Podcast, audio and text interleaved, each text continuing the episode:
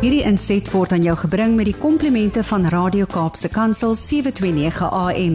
Besoek ons gerus by www.cape pulpit.co.za.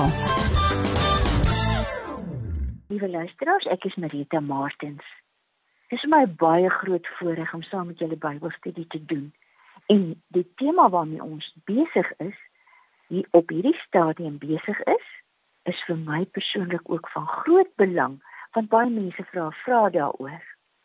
En ons tema is die rol wat die mens in die goddelike verlossingsplan vervul. Of ons kan dit so stel, wat van die mens in die goddelike verlossingsplan verwag word. Julle het seker ook al Bybelstudie gedoen en ons het in ons Bybelstudie Bybelstudie gedoen oor die lewensbelangrike skrifgedeelte aangaande die oorhandigingsplegtigheid van die enigste sleutels van God se koninkryk aan die kerk. Jesus het by die geleentheid pas vir sy disippels gevra wie hy volgens hulle is. In die oorspronklike manuskrip van die Nuwe Lewende Vertaling met toelichting klink die beskrywing van hulle antwoord en die daaropvolgende oorhandigingsplegtigheid as volg: Matteus 16 van vers 14 tot 19. Wel antwoord hulle: Party sê u is Johannes die Doper, ander weer Elia, nog ander Jeremia of een van die ander Ou Testamentiese profete. Met ander woorde, hulle sê u is een van die gestorwe profete wat uit die dood opgestaan het. Hy, dit is Jesus, sê toe vir hulle: "En wat van julle? Wie sê julle is ek?" Simon Petrus het geantwoord: "U is die Messias." Met ander woorde, die Christus, die gesalfde die seun van die lewende God. Jesus het hom geantwoord: Gelukkig, dit beteken geseënd en begenadig is jy, Simon seun van Jona, want my hemelse Vader het dit aan jou bekend gemaak. Hierdie wete het jy nie van enige mens ontvang nie. Ek verklaar nou vir jou, jy is Petrus, en Petrus beteken rots of klip. Op hierdie rots met antwoorde hierdie geopenbaarde waarheid en belydenis sal ek my kerk oprig en al die magte van die doderyk sal ek nie oorwin nie. Ek vertrou die sleutels van God se koninkryk, die waarheid aangaande die Christus aan jou toe. Wat jy ook al op die aarde toesluit, sal ook by God in die hemel toegesluit bly en wat jy ook al oopsluit, sal by God oopgesluit bly. En toe duik daar tussen ons 'n baie belangrike vraag oor die uitverkiesing op. Kan dit wees dat God in elk geval voor die skepping van die aarde besluit het wie gered gaan word en wie verlore sal gaan? In terme wat ons almal verstaan, is dit moontlik dat daar iets soos kaderontplooiing aan die gang is. Dat God net aan bepaalde mense burgerskap van die hemel en die voorregte van die lewe hier op aarde in deur en tot Christus wil gee. Wanneer kaders ontplooi word, word daar vooraf geheime besluite geneem. Die name van die wat in bepaalde posisies aangestel gaan word, skatreg gaan word en elke moontlike voorreg gaan geniet, is vooraf bepaal. Indien werksonderhoude met ander kandidaate gevoer sou word, vind dit binne 'n raamwerk van valsheid, oorverblindery en oneerlikheid plaas. Kandidaate vir die pos word 'n rad voor die oë gedraai. Hierdie is 'n legitieme prosedure en sy sterk aanspraak maak op die pos met al sy voorregte en verantwoordelikhede. Werklik jy beïndruk ons. En wanneer die hoopvolle kandidaat uit die komiteekamer stap en die deur agter hom toetrek, lag die voorsitter en sy makkers in hulle moue. Die ou gek. Hy is nie die man wat die pos gaan kry nie. Hy is nie 'n kader nie. Hoe hard hy ook al probeer, wat ook al sy verdienste hy staan nie kans nie. Die woord uitverkiesing verwys allermins na so 'n geheime agenda na 'n blufspel.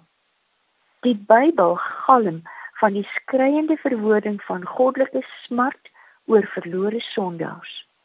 Van Genesis tot Openbaring oor die mensdom van die godsbesluit om Jesus Christus as offerlam in ons plek te laat sterf.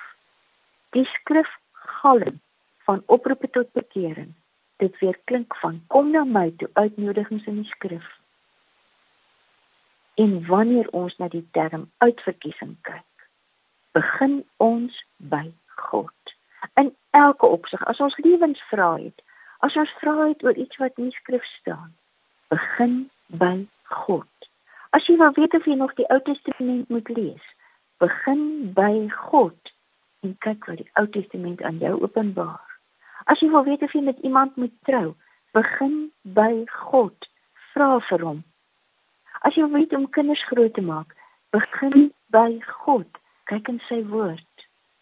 As jy wil weet wat die uitverkiesing is, begin by God. Van kaderontplooiing is daar geen sprake wanneer God in sy woord die volgende spesifiseer nie. Almal, alle mense, elkeen en niemand. Wanneer Paulus aan die Korintiërs skryf in die woord van God, skryf hy oor 'n keuse wat die mens moet maak, 'n lewensbelangrike keuse. As jy ooit gewonder het watter rol jy persoonlik in jou verlossing en die besluit oor jou lewe op aarde, die kwaliteit daarvan, die sin daarvan en in die hiernamaals verval, hier is dit. As jy ooit gewonder het of God regtig alle mense wil red, vir jou, vir my, oud en jonk, slegter as sleg, en of in jou eie oë beter as goed. Hier is dit. 2 Korintiërs 5:20. Ons tree dus op as gesande, dis gestuurdes van Christus. En dit is God wat deur ons 'n beroep op julle doen. Ons smeek julle namens Christus. Aanvaar die verzoening met God wat hy bewerk het. En ons gaan dit stukkie vir stukkie neem. Paulus skryf. Ons skryf vir julle omdat Christus ons as sy gesande met sy boodskap stuur. Dit is God wat deur ons 'n beroep op julle doen. Dit is God wat ernstig met julle praat. Ons smeek julle. Wat smeek hulle? Wat smeek Paulus? Ons smeek julle om die versoening met God wat Christus deur sy lyding, bloed en kruisdood te werk het, te aanvaar. Ons smeek julle namens Christus. Ons smeek julle namens Christus om die versoening met God wat Jesus deur sy lyding, bloed en kruisdood bewerk het te aanvaar. En so staan dit in teksvers. Ons smeek julle namens Christus. Aanvaar die versoening met God wat hy bewerk het. Die rol wat die mens in die verlossingsplan vervul, is nie om homself deur goeie dade, deur groot probeerslae, deur deegin verdienste van uit die duisternis na die wonderbare lig te ruk nie. Die rol wat die mens in die verlossingsplan vervul, is om die evangelie van Christus aan te hoor, te luister, om God oor sy sonde en ellende voor God oor sy sonde en ellende na te dink.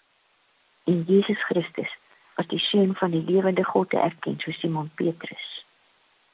Die rol wat die mens in die verlossingsplan van God vervul, is om te doen wat in hierdie skrifgedeelte staan. En wat staan in hierdie skrifgedeelte? Ons smeek julle namens Christus. Aanvaar die verzoening met God wat hy bewerk het. Kom ons lees iets uit Johannes 6 van vers 67 af. Toe vra Jesus vir die 12: "Wil julle nie ook weggaan nie?" Simon Petrus het hom geantwoord: "Here, dan weet jy sal ons gaan. U het die woorde wat ewige lewe gee en ons glo vas en weet dat U die heilige van God is. Johannes 6 vers 70. Jesus het daarop vir hulle gesê, het ek nie self julle 12 uitgekies nie. Geroep, uitgekies om die pad met my te loop met ander woorde en een van julle is 'n duiwel. Uit Judas die seun van Simon Iskariot bedoel wat hom sou verraai. Hy wat een van die 12 was. Petrus het besef, net by hom, net by Jesus, is die woorde wat die ewige lewe gee. Judas Iskariot was uitgekies om Jesus te volg. Jesus het nie in kortsigtigheid iets duiwels in Judas misgekyk en hom totaal met Judas misreken nie.